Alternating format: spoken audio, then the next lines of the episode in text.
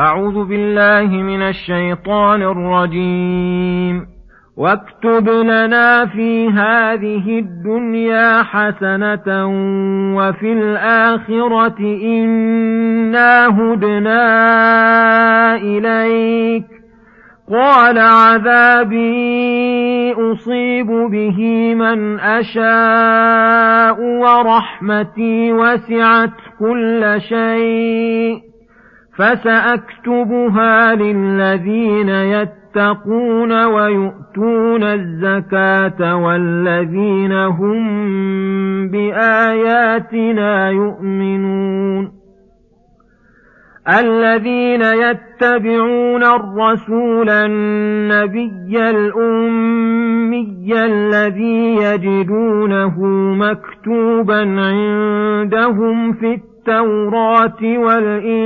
والإنجيل الذي يجدونه مكتوبا عندهم في التوراة والإنجيل يأمرهم بالمعروف وينهاهم عن المنكر ويحل لهم الطيبات ويحرم عليهم الخبائث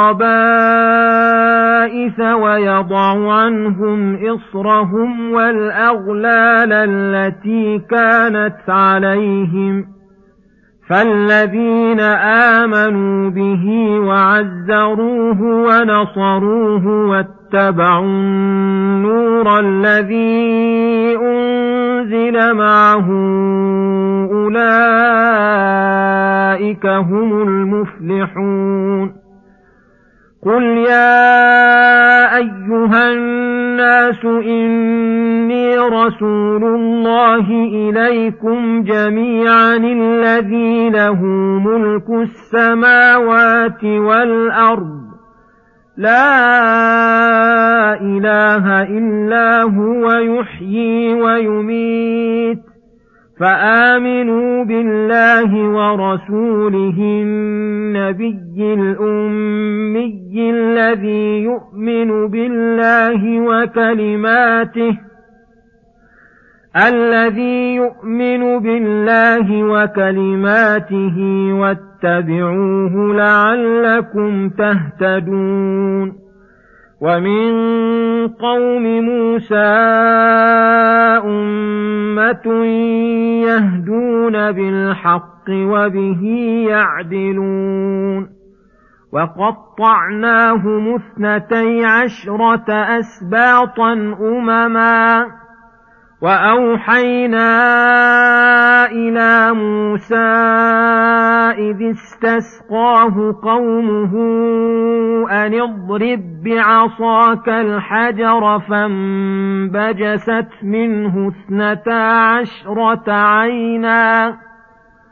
فانبجست منه اثنتا عشرة عينا قد علم كل أناس مشربهم وظللنا عليهم الغمام وأنزلنا عليهم المن والسلوى وأنزلنا عليهم المن والسلوى كلوا من طيبات ما رزقناكم وما ظلمونا ولكن كانوا أنفسهم يظلمون.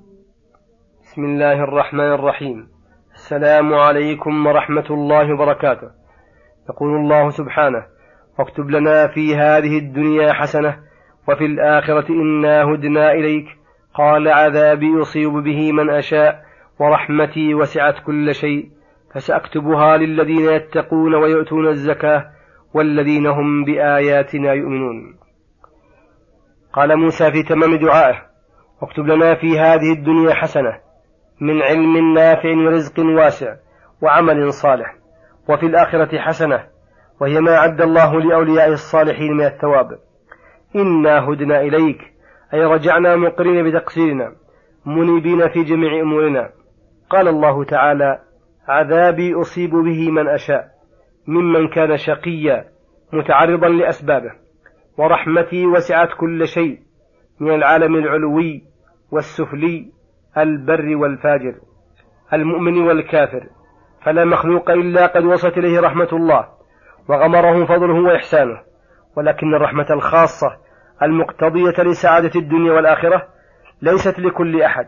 ولهذا قال عنها فسأكتبها للذين يتقون المعاصي صغارها وكبارها ويؤتون الزكاة الواجبة مستحقيها والذين هم بآياتنا يؤمنون ومن تمام الإيمان بآيات الله معرفة معناها والعمل بمقتضاها من ذلك اتباع النبي صلى الله عليه وسلم ظاهرا وباطنا في أصول الدين وفروعه الذين يتبعون الرسول النبي الأمي.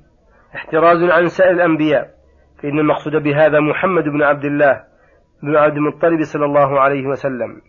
والسياق في أحوال بني إسرائيل وأن الإيمان بالنبي محمد صلى الله عليه وسلم شرط في دخولهم في الإيمان وأن المؤمنين به المتبعين هم أهل الرحمة المطلقة التي كتبها الله لهم ووصفه بالأمي لأنهم وصفه بالأمي لأنه من العرب الأمة الأمية التي لا تقرأ ولا تكتب وليس عندها قبل القرآن كتاب الذي يجدونه مكتوبا عندهم في التوراة والإنجيل. باسمه وصفته التي من أعظمها وأجلها ما يدعو إليه وينهى عنه وأنه يأمرهم بالمعروف وهو كل ما عرف حسنه وصلاحه ونفعه وينهاهم عن المنكر وهو كل ما عرف قبحه في العقول والفطر. فيأمرهم بالصلاة والزكاة والصوم والحج وصلة أرحام وبر الوالدين والإحسان إلى الجار والمملوك وبذل النفع لسائر الخلق والصدق والعفاف والبر والنصيحة وما أشبه ذلك. وينهى عن الشرك بالله وقتل النفوس بغير حق والزنا وشرب ما يسكر العقل والظلم لسائر الخلق والكذب والفجور ونحو ذلك. فأعظم دليل يدل على أنه رسول الله ما دعا إليه وأمر به ونهى عنه وأحله وحرمه فإنه يحل لهم الطيبات من المطاعم والمشارب والمناكح ويحرم عليهم الخبائث من المطاعم والمشارب والمناكح والأقوال والأفعال. ويضع عنهم إسرهم والأغلال التي كانت عليهم. أي أيوة ومن وصفه أن دينه سمح أن دينه سهل سمح ميسر. لا إصر فيه ولا أغلال ولا مشقات ولا ولا تكاليف ثقال. فالذين آمنوا به وعزروه أي عظموه وبجلوه ونصروه واتبعوا النور الذي أنزل معه وهو القرآن الذي يستضاء به في ظلمات الشك والجهالات ويقتدى به إذا تعرضت المقالات. أولئك هم المفلحون الظافرون بخير الدنيا والآخرة والناجون من شرهما لأنهم أتوا بأكبر أسباب الفلاح. وأما من لم يؤمن بهذا النبي الأمي ويعزره وينصره ولم يتبع النور الذي أنزل معه فأولئك هم الخاسرون. ولما دعا أهل التوراة من بني إسرائيل إلى اتباعه وكان ربما توهم متوهم أن الحكم مقصور عليهم أتى بما يدل على العموم فقال قل يا أيها الناس إني رسول الله إليكم جميعا أي عربيكم وعجميكم أهل الكتاب فيكم وغيرهم الذي له ملك السماوات والأرض يتصرف فيها بأحكامه الكونية والتدابير السلطانية وبأحكامه الشرعية الدينية التي من جملتها. أن أرسل إليكم رسولا عظيما يدعوكم إلى الله وإلى دار كرامته ويحذركم من كل ما يباعدكم منه ومن دار كرامته. لا إله إلا هو. أي لا معبود بحق إلا الله وحده لا شريك له. ولا تعرف عبادته إلا من طريق رسله. يحيي ويميت. أي من جملة تدابيره. الإحياء والإماتة. التي لا يشاركه فيها أحد. فقد جعل الله الموت جسرا ومعبرا. يعبر, يعبر الإنسان منه إلى دار البقاء. التي من آمن بها صدق الرسول محمدا صلى الله عليه وسلم قطعا. فآمنوا بالله ورسوله النبي الأمي إيمانا في القلب متضمنا لأعمال القلوب والجوارح الذي يؤمن بالله وكلماته أي آمنوا بهذا الرسول المستقيم في عقائده وأعماله أي آمنوا بهذا الرسول المستقيم في عقائده وأعماله واتبعوه لعلكم تهتدون.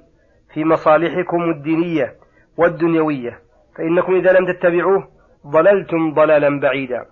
ومن قوم موسى أمة أي جماعة يهدون بالحق وبه يعدلون أي يهدون الناس في تعليمهم إياهم وفتواهم لهم ويعدلون به في الحكم بينهم في قضاياهم كما قال تعالى وجعلناهم أئمة يهدون بأمرنا لما صبروا وكانوا بآياتنا يوقنون.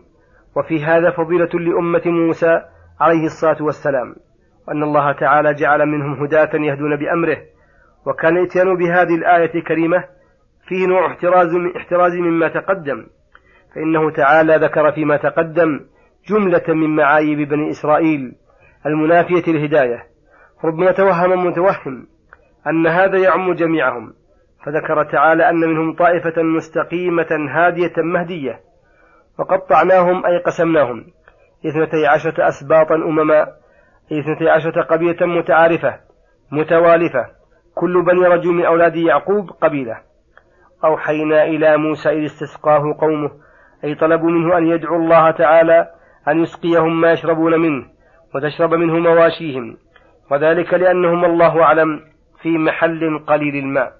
فأوحى الله لموسى إجابة طلبتهم أن يضرب بعصاك الحجر يحتمل أنه حجر معين ويحتمل أنه اسم جنس يشمل أي حجر كان. فضربه فانبجست أي انفجرت من ذلك الحجر اثنتا عشرة عينا جارية سارحة. قد علم كل ناس مشربهم أي قد قسم على كل قبيلة من تلك القبائل أي اثنتي عشرة وجعل لكل منهم عينا. فعلموها واطمأنوا واستراحوا من التعب والمزاحمة. وهذا من تمام نعمة الله عليهم. وظللنا عليهم الغمام فكان يسترهم من حر الشمس. وأنزلنا عليهم المن وهو الحلوى. والسلوى وهو, لحم طير من أحسن أنواع الطيور وألذها فجمع الله لهم بين الظلال والشراب والطعام الطيب من الحلوى واللحوم على وجه الراحة والطمأنينة. وقيل لهم كلوا من طيبات ما رزقناكم وما ظلمونا. حين لم يشكروا الله ولم يقوموا, ولم يقوموا بما أوجب الله عليهم. ولكن كانوا أنفسهم يظلمون حيث فوتوها كل خير وعرضوها للشر والنقمة. وهذا كان مدة لبثهم في التيه وصلى الله وسلم على نبينا محمد وعلى آله وصحبه أجمعين. وإلى الحلقة القادمة غدا إن شاء الله. والسلام عليكم ورحمة الله وبركاته.